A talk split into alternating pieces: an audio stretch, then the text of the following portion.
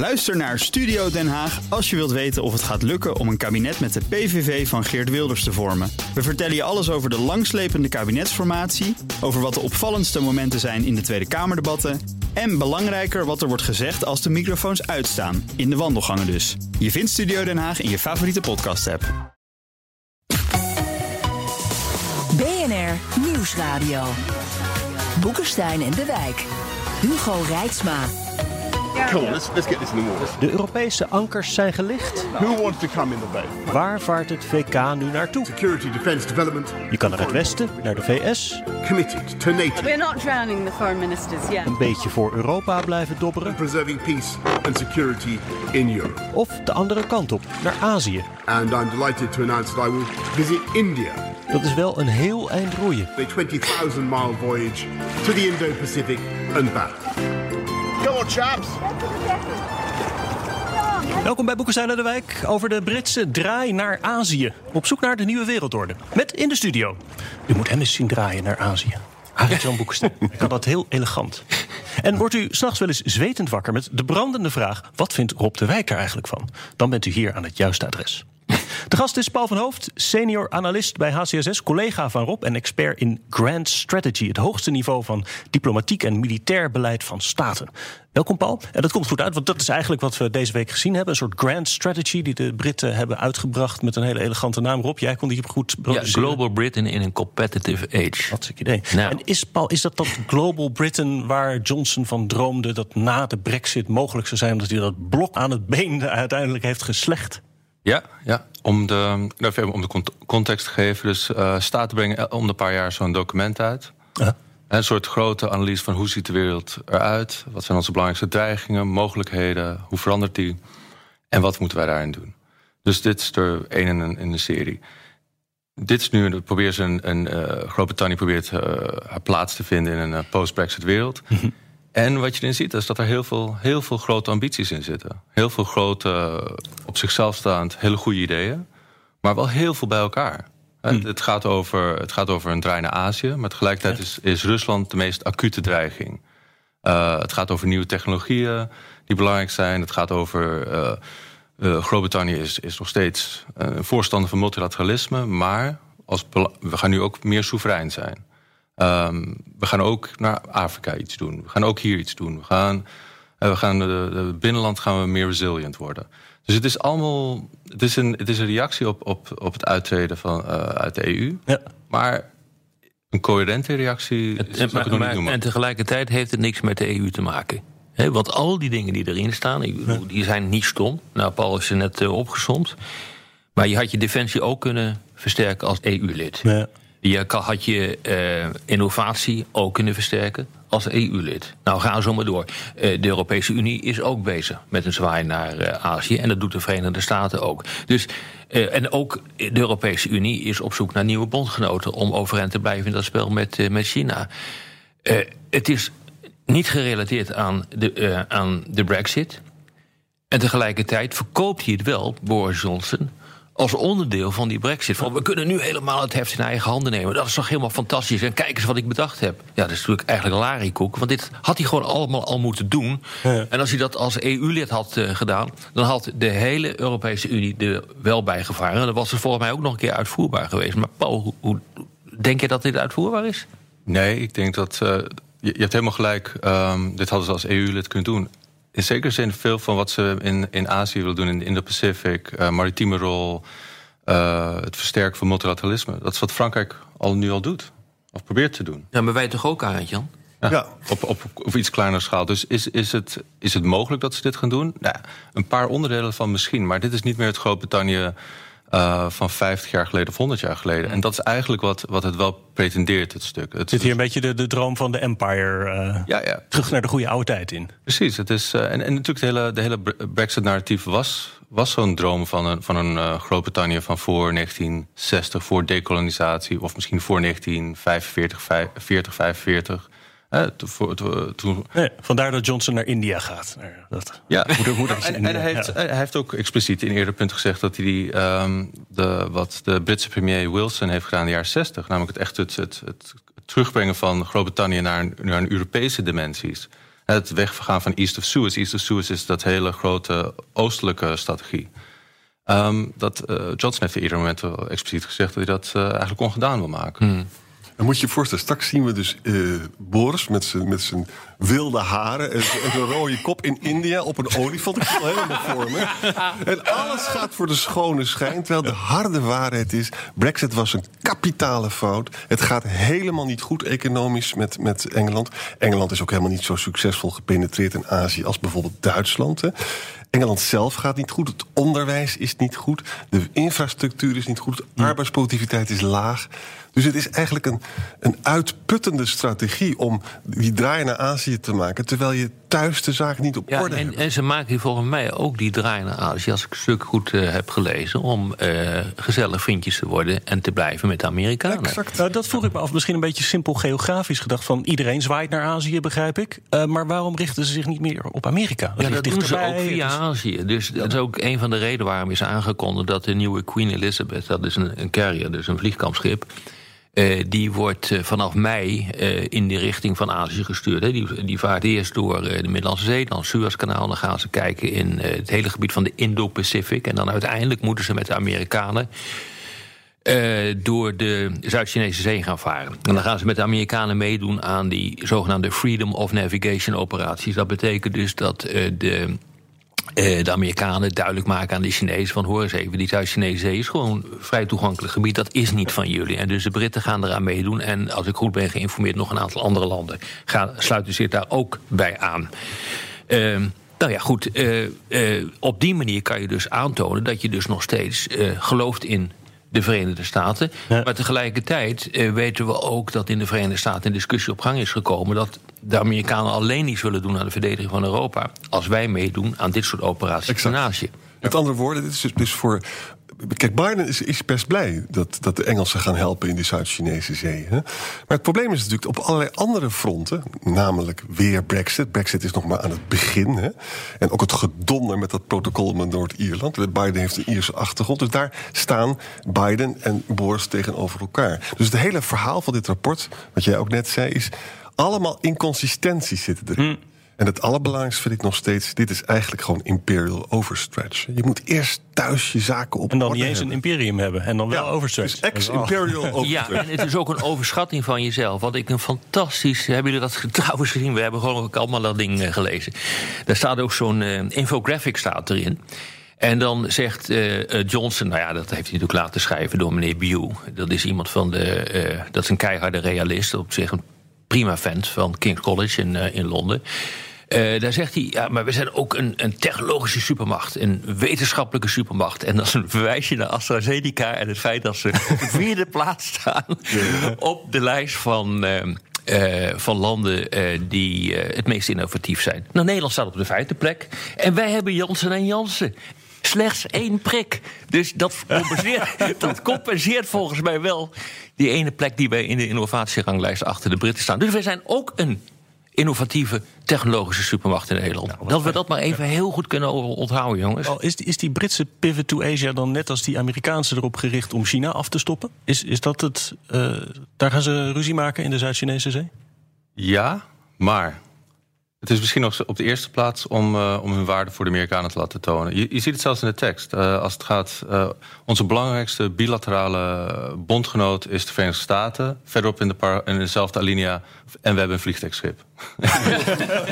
ja. het, is niet, het is niet iets wat, wat Rob net soort een, een of ander soort geheim, moeilijk te ontwaren mysterie. Het, het, Eén klein probleempje, Paul. Ze ja? hebben niet voldoende vliegtuigen om ja. op, de, op de schippen te, te parkeren. Je moet Amerikaanse vliegtuigen op. Niet genoeg vliegtuigen. En, hey, en, en ook wat, wat we natuurlijk ook heel makkelijk vergeten. Zo'n zo vliegtuigschip ziet er wel heel indrukwekkend uit. En het is ook indrukwekkend. Maar er horen allemaal andere schepen bij. Ja. Daar heeft een enorme logistieke staart zit daarachter. Hè. Ja. Dat vliegtuigschip kan zichzelf niet zo goed beschermen. Nee. Zeker niet in de, in de huidige. Dus nee. Zeker niet als het gaat om een soort technologieën die, die China zou gebruiken. Nee. De soort ballistische raketten die ze zouden gebruiken tegen schepen. Dus nee, echt zo dat... treurig. Ook met ja. de Britse leger. Ik dacht dat dat nog wel een beetje iets was. Oh, nee, joh. Dat is natuurlijk gewoon die bezuinigingen zijn gigantisch. Er staat ook een staatje in. In dat uh, rapport over die bezuinigingen. En uh, nou, het is ongeveer pakweg de helft van wat het was Als je even de in, in constante prijzen eh, rekent eh, van de jaren 90, iets in die geest. Alleen al sinds 2018 is er, eh, 2008 is er een derde afgegaan. Dus nee, je hebt een lange weg te gaan om dit, eh, om dit te repareren. Ja, en het is ook niet alleen. eh, dus kwalitatief is het misschien zijn delen wel goed. Maar het ook, gaat ook om kwantiteit. Eh, we hebben zo het 30 jaar lang hebben we eigenlijk alleen maar wat Ja. kleine oorlogjes en kleine. Ik bedoel niet klein voor ons, niet voor, niet voor de, de landen waar het gebeurde. Right, Maar we hebben niet tegen tegenstanders gevochten die, die heel goed terug konden vechten. En nu krijg je die gezellige Chinezen met het grootste marinebouwprogramma Ja. ter wereld. Hè? En, en een raketten die overal op gericht. En, en die nu ook al met hun schepen in de Middellandse Zee eh, eh, eh, te vinden zijn. En zelfs in de Oostzee. En en nu, nu we toch in de categorie hardware zitten. De grootste krantenkoppen die voortkwamen uit het strategiestuk was eh, verhoging van het plafond aan kernwapens. Ja. Wat willen ze daarmee gaan doen? Ja, die, is, die is interessant. Ehm, dat is, is niet helemaal duidelijk. Ik heb nog eh, gisteren nog even aan een paar vrienden gevraagd in Groot-Brittannië of, of ik ergens iets heb gemist of zo. maar ehm, nee, het is, het is een verhoging van 180 eh, naar 180 naar 240. Ja. En het is niet duidelijk, omdat ehm, met, dat, het- ze zegt dat, het, dat het, er staat in het stuk en de verantwoording is dat het komt doordat Rusland eh, zo, zoveel nadruk legt op haar kernwapens en een grotere, flexibele, meer flexibele opstelling daarvan heeft. Maar met meer kernkoppen op zich ben je niet zoveel. Het gaat niet over dat er een extra onderzeeër bij komt of er extra Dat onderzeeër zijn te water komt. raketten of- voor op onderzeeërs. begrijp ik, op toch? Ja. eh, ja. ja, dus, ja, dus de. En, Nee, maar, maar, Paul, de, maar de de reden waarom je dit doet is wel duidelijk. Kijk, als jij dus met de Amerikanen mee wil doen in eh, de Indo-Pacific, zoals dat zo mooi heet. eh, dan ben je bezig met afschrikking. Nou, afschrikking kan je eigenlijk alleen maar doen door middel van kernwapens. Eh, die, eh, die Tridents, daar hebben ze er volgens mij vier van. Die worden vooral geparkeerd in, eh, in de Indo-Pacific. Al hun tactische onderzeeboten die hoeven dat niet te doen. Dus je bent gewoon een afschrikkingsmacht. En in die zin tellen aantallen. Dus hier is kwantiteit en kwaliteit op zich, zoals dat bij Defensie heet. Ik denk dat dat de belangrijkste reden is. En bovendien, hoe meer kernwapens je hebt, hoe belangrijker je bent in de wereld. Dus dus- vraag, maar- vraag maar aan Kim Jong-un. Ja.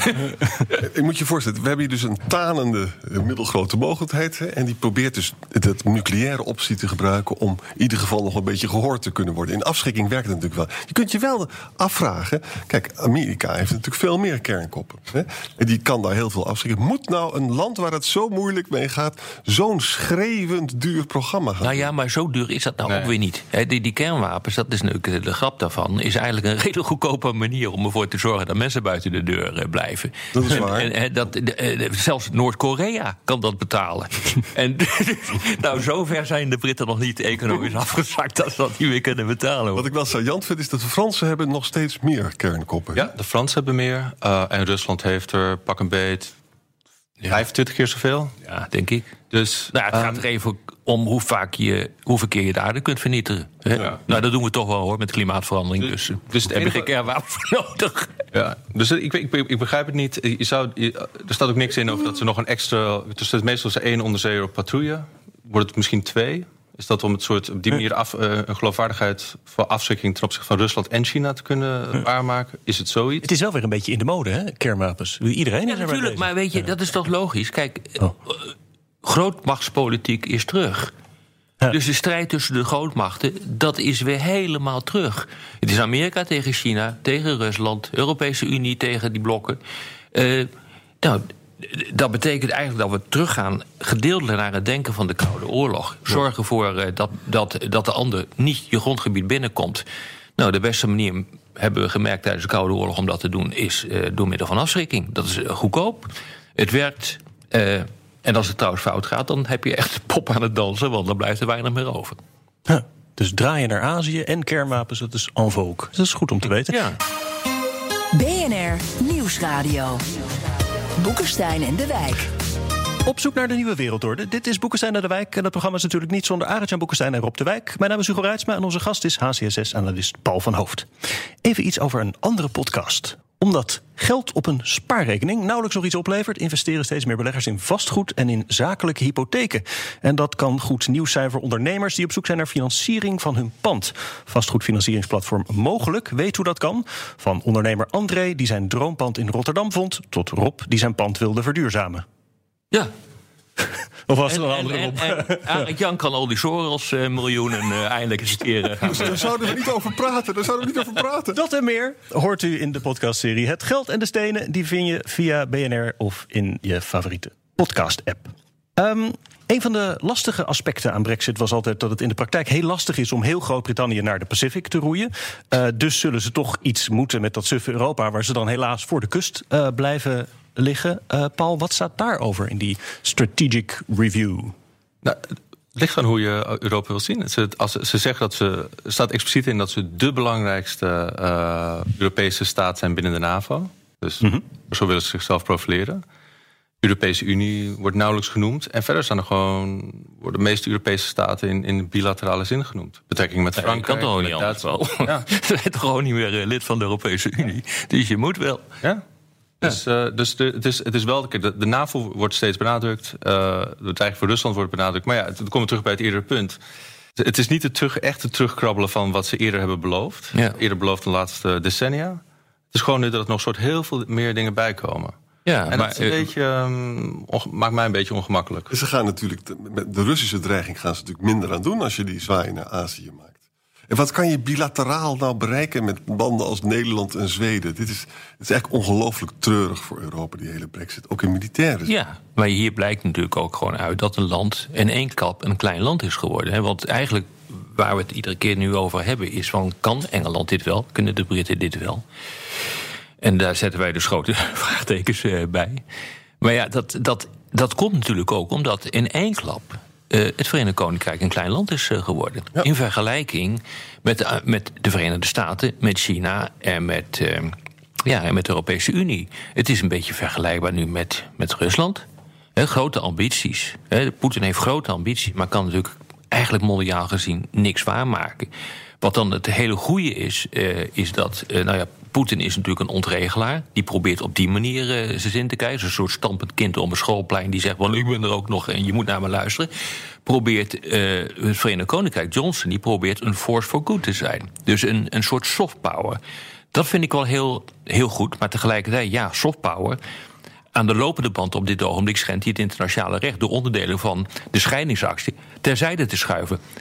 In ieder geval meer soft power in de richting van Brussel. En de Europese hoofdsteden heeft hij niet gekregen hoor, de afgelopen tijd. Dus er zal die wel, dat is wel even een aandachtspuntje, om het maar zo te zeggen. En wat ook nog speelt is, aan de ene kant praat hij dus over mensenrechten, eigenlijk openhartiger dan Merkel. Hè? Aan de andere kant zegt Raap steeds, Raap vind ik trouwens de meest opportunistische Brit die ik ooit heb ontmoet. Maar goed, Minister van de Buitenlandse ja, Zaken. Oh, ja. verschrikkelijk. Een Brexiteer eh, to the core. Maar goed, die zegt dan van... eh, ja, maar, maar China is natuurlijk wel belangrijk voor handel. Dus, dat, dus dat, dat botst dus allemaal. Er is allemaal weer niet over nagedacht. Hè? En ja, dan, Ja, maar Harry Jan, daar is wel over nagedacht. Het probleem is alleen ja, dat het ook niet anders kan. Ik bedoel, eh, eh, ze noemen dus eh, China een systeemrivaal in dat stuk. En dat, dat is het ook. Maar tegelijkertijd moet je wel dealen met die systeemrivaal. Dus het is en een tegenstander en het is een handelspartner. Nou, hartelijk gefeliciteerd. Ik bedoel, hier zit de hele, Europese Unie Zeker. mee te handballen. En de Europese Unie is iets groter dan het Verenigd Koninkrijk. En je ziet dus ook dat die veel meer kan klaarmaken in de richting van China. En wat, ik ook, en wat ik ook lachwekkend vind, echt lachwekkend, is dat... Kijk, Boris praat ook heel veel over het klimaat. Wat belangrijk is, klimaatcrisis is echt een heel serieus probleem. Hè. Zijn vader is er ook heel erg mee bezig. Hè. Nou, dan zegt hij, we moeten ook met name met China werken... want dat is ook een land dat zich heel erg inzet voor, voor de klimaatprobleem. Nou, denk je nou echt dat Britten op het klimaatdossier nou echt zo verschrikkelijk invloedrijk zullen zijn in de wereld? Ik denk het niet. Ik denk wel dat China zelf een heleboel stappen daar heeft gezet die Ja. heel slim waren met hun diplomatie. Dus ook weer een overschatting van de. Het is een schattig land hoor. Maar ik heb er afscheid van genomen. Dit is zo'n zo'n puinhoop. Ja, maar het, het is, je, je kan het ook in, in dat bredere historische perspectief eh, praat, eh, plaatsen. Er is een beroemde uitspraak van Dean Acheson eh, begin jaren 60... eh, dat Groot-Brittannië no longer an empire... but not, has not yet found a role. Ja. En die rol vonden ze in de jaren 60 tot Brexit... door zowel één voet in die transatlantische relatie te hebben... en één voet, of te hebben, vooral een hele, eh, behoorlijk toch iets betere link met de VS dan anderen. Hoewel minder goed dan ze zelf dachten, maar toch wel een goede. En een voet in, in, eh, in eh, Europa. En daardoor heb je een soort. Kun je je, je macht vermenigvuldigen. Want voor de VS was je interessant omdat je in Europe, Europese ja, die rol kan. Nederland nu ook zo mogelijkerwijs gaan spelen. Hè? Ja. Denk je? Dat is een beetje optimistisch, maar... Nou ja, nee, Ook ja, ja, ambitieus, nee, eh, het, is een vraag, het is een vraag voor jou. Het is een open vraag, Paul. Ik, ehm, er zijn altijd mogelijkheden, maar we, moeten ook, eh, we zijn ook niet meer eh, het land dat we in de 17e eeuw waren. Maar, maar door Brexit zijn we wel iets belangrijker geworden. Er wordt nu gelukkig. gesproken over de kleintjes van de grote, worden we nu Ja. genoemd. Hè? En dat was vroeger natuurlijk niet zo. De kleinste van de grote. Ja. Of de grootste van de kleine. De gro- sorry, de gro- de- de- de- Nee, nee, nee, nee. nee, We Het waren is nu de, klein, eh, de kleinste van de grote. Oh, Ja. we zijn ontzettend belangrijk. Ja. Tenminste, dat denken we zelf. En maar nog eventjes eh, over, over het Verenigd Koninkrijk in Europa. Of, of, of voor de kust van de EU. Ze zijn toch wel voor ons nog steeds belangrijk. Als militaire macht, inlichtingen. Veel dingen die ze goed kunnen. En die we volgens mij samen met Nee, maar het is ook een onbelangrijk land. Ik bedoel, ze zitten, hebben, een, eh, ze hebben atoombommen. Ze zitten in de, in, de, in de Veiligheidsraad. Niet onbelangrijk. Maar het probleem is, ze staan buiten Europa. Ze staan er alleen voor. En bovendien, ik heb hier wel vaker gezegd... dat land ligt gewoon nu aan de verkeerde kant van, het Verenigde, van de Verenigde Staten. Ja. Eh, ik bedoel, ze moeten onderhandelen ja. doen met eh, Hawaii. Dan liggen, ze aan de goede, dan liggen ze aan de goede kant. Om Ja. echt dit soort politiek te kunnen En de bedrijven. ellende is, Brexit gaat tot allemaal spanningen nog leiden. Je ziet het trouwens nu ook al met de vaccindiplomatie. Ook door Engeland heeft nu, doet het nu beter dan wij. Leidt tot allemaal pijnlijkheden. Dus met andere woorden, de kans dat de economische onderhandelingspijn ook overslaat op de bereidheid tot samenwerking op andere terreinen is levensgroot. Zou zeer betreurenswaardig zijn. En nogmaals zeg ik, Brexit was de grootste fout van de 21ste eeuw. Ja. Ja, Het is allemaal ellende. Allemaal ellende. doen. Vreselijk, ja. Ik probeer nog een keerzijde te vinden in dit programma. Maar ik, denk dat het gewoon niet meer gaat gebeuren. Het is gewoon erger dan de Derde Wereldoorlog. Ja, ja. Ja, kijk, ik bedoel, het is natuurlijk gewoon een, een, een land nu op zoek met deze strategie die net eh, verschenen is. Op zoek naar ja, zijn nieuwe positie en een nieuwe rol in de wereld. En vallen terug. Nou, ik ben het eens met Paul als hij zegt van ja, het, het ademt toch ook wel, eh, eh, laten we zeggen, het verleden uit. Eh, dat, is ook, dat is ook zo. Dus je je zit hier echt met een probleem. Ja. Kijk, misschien de enige. Oké, als we toch een eh, soort ergens zullen zoeken naar een halve optimistische noot. Ja, doe maar. Ja, Maar, met even, maar, maar dan, dan is het niet duidelijk of de Britten daar klaar voor zijn nog. Eh, en, en het zou tegen, tegenstrijdig zijn aan het hele Brexit-narratief. Maar als ze met allemaal bilaterale contacten met andere Europese staten. En hun maritieme capaciteit, als ze daar echt in zouden investeren. en dat samen met de Fransen, de Nederlanders, Italianen, Duitsers. hè, in de Middellandse Zee, de Persische Golf, het westelijke deel van de Indische Oceaan. dan doe je wellicht nog behoorlijk wat voor maritieme veiligheid. Ja, dat kan. En dan doe je misschien ook, wel, doe je ook nog iets zinvols voor de, de grotere Indo-Pacific-strategie van de Amerikanen. En, Ja, ja. Maar, de- maar, maar, maar ik ben het daarmee eens, hè? moet je ook gewoon proberen. Maar de vraag is in hoeverre die lui in de Indo-Pacific... eh, van de Australiërs tot de Indonesiërs echt zitten te wachten Ja. op de Britten. En ik, ik, ik vergeet nooit meer, twee jaar geleden was ik daar in, eh, in eh, eh, Jakarta. Discussie op redelijk hoog niveau. En de Australiërs zeiden, jongens, we zitten echt niet op jullie te wachten. Exact. Wij hebben gewoon helemaal geen, eh, geen boodschap aan neo- neocolonialen die nu ineens een rol in de wereld willen gaan spelen. Dus alsjeblieft, blijf weg. Zelfs de Europese Unie komt niet echt aan tafel bij die, eh, bij die grote Aziatische fora. Die zeggen: jongen, blijf weg. En We doen is- het hier alleen wel. En er is nauwelijks handel tussen Engeland en de oude Commonwealth-landen. Dat is één. Twee, het gaat helemaal niet goed met de Londense City. Hè. Het gaat helemaal niet goed. Er worden delen van afgesnoept. Daar hadden ze nog een mondiale betekenis. Ze zijn minder gepenetreerd in de Aziatische markt dan Duitsland. Hè. Net zoals Frankrijk ook minder gepenetreerd is. Dus het is allemaal. Het is een soort. Een, een, een, een verarmde adel. Is. Ach. Paul, dank Paul voor je poging tot een optimistisch geluid. Maar ik denk toch dat de conclusie hier aan tafel is: het wordt helemaal niks. Helaas.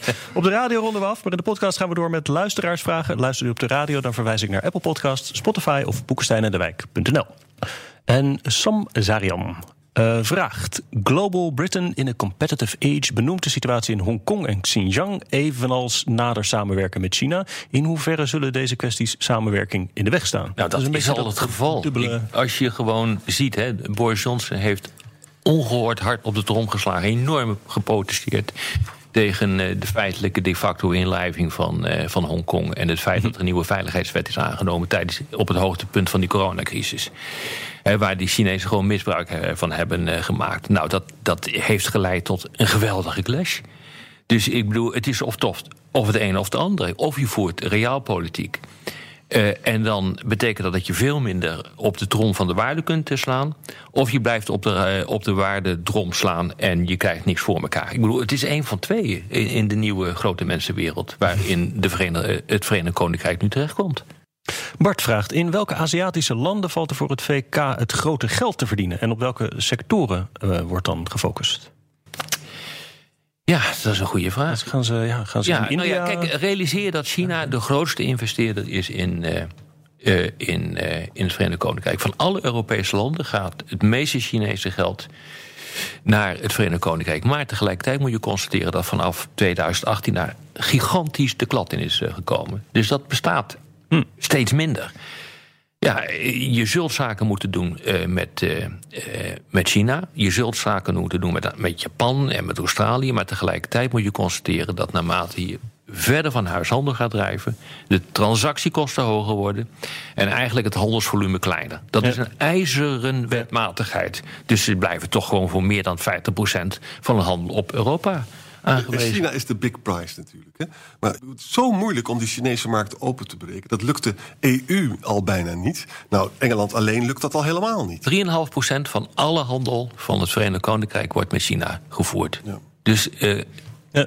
het aller, aller, allergrootste deel eh, niet. Voor eh, Duitsland ligt het ongeveer op het dubbele. Ja. Dus dat bewijst ook mijn stelling dat naarmate je verder weg handel gaat drijven, het steeds lastiger wordt. Maar dat, dat is misschien ook wel een uh, overkoepelend thema. We hebben natuurlijk 30 jaar lang hebben we gedaan alsof de wereld steeds kleiner aan het worden was door uh, mondialisering, door globalisering. Um, en uiteindelijk, geografie doet er toe. Afstanden doen Ja, er toe. natuurlijk. Dat doet er toe voor, voor als het gaat om het uitoefenen van militaire macht. Het gaat er doen als het uh, komt op uh, economische belangen behartigen. Afstand doet er toe. Ja. Ja. Geography matters. Ja. Mede antwoord op de vraag van Hugo Vijver, die ook over die geografie uh, vraagt. Uh, Bobby Jagernat zegt het: het VK is van empire naar een alledaags land geslonken. Nou, daar kunnen we denk ik hier aan tafel uh, ja. over eens zijn. vraag 1. Wat maakt het Azië eigenlijk uit dat het VK de draai naar Azië maakt? Nou, dat hebben we eigenlijk ook al een beetje behandeld. En vraag 2. Welke mogelijkheden heeft China om van het VK een Chinese bondgenoot te maken? Nou ja, dat probeert ze natuurlijk wel te doen. Dus ook voor China is het een klein beetje schipperen. Mm -hmm. uh, ze hebben natuurlijk al een aantal bondgenoten. Servië is, een, is, is er bijvoorbeeld één, maar ook weer niet echt. Dus het is wel goed om een bruggenhoofd te, te hebben uh, in, uh, in, in Europa. die, die, ze hebben al een paar bruggenhoofden. ook, ook Griekenland hoort daar, daarbij. Hè. Dat is de drakenkop. Daar, van daaruit gaat het Belt and Road initiatief uh, eigenlijk richting Hongarije. Dwars door uh, Oost-Europa heen.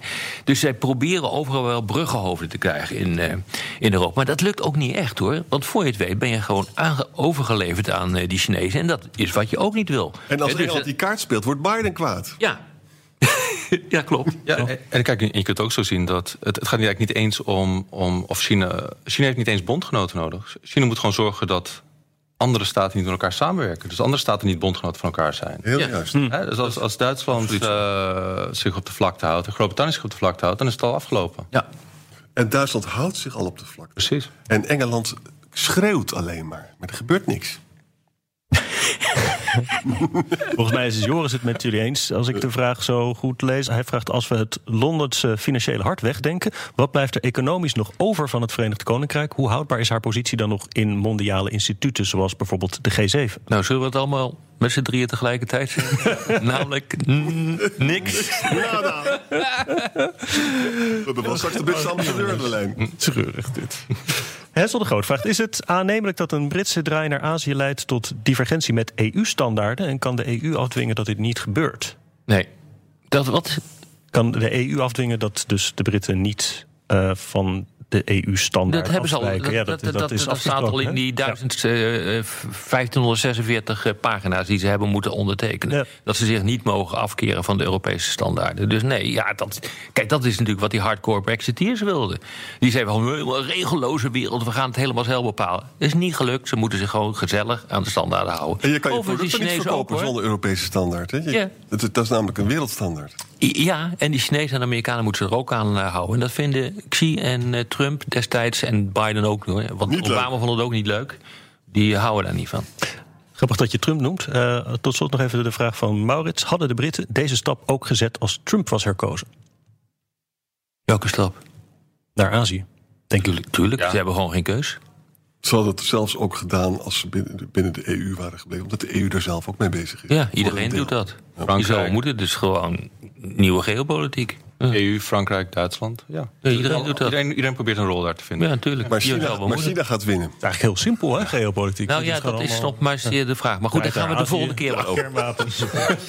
Prima. Dit was weer Boekenstein naar de Wijk. Namens Arend-Jan Boekenstein en Rob de Wijk zeg ik dank voor het luisteren. Speciale dank aan Paul van Hoofd. En tot volgende week. Ook Liesbeth Staats vind je in de BNR-app. Ja, heel handig. Luister live naar Kees en mij tijdens de Daily Move. Dan blijf je ook gelijk op de hoogte van breaking news en het laatste zakelijke nieuws. En daar vind je ook alle BNR-podcasts, waaronder de Perestrooikast. Download nu de gratis BNR-app en blijf scherp.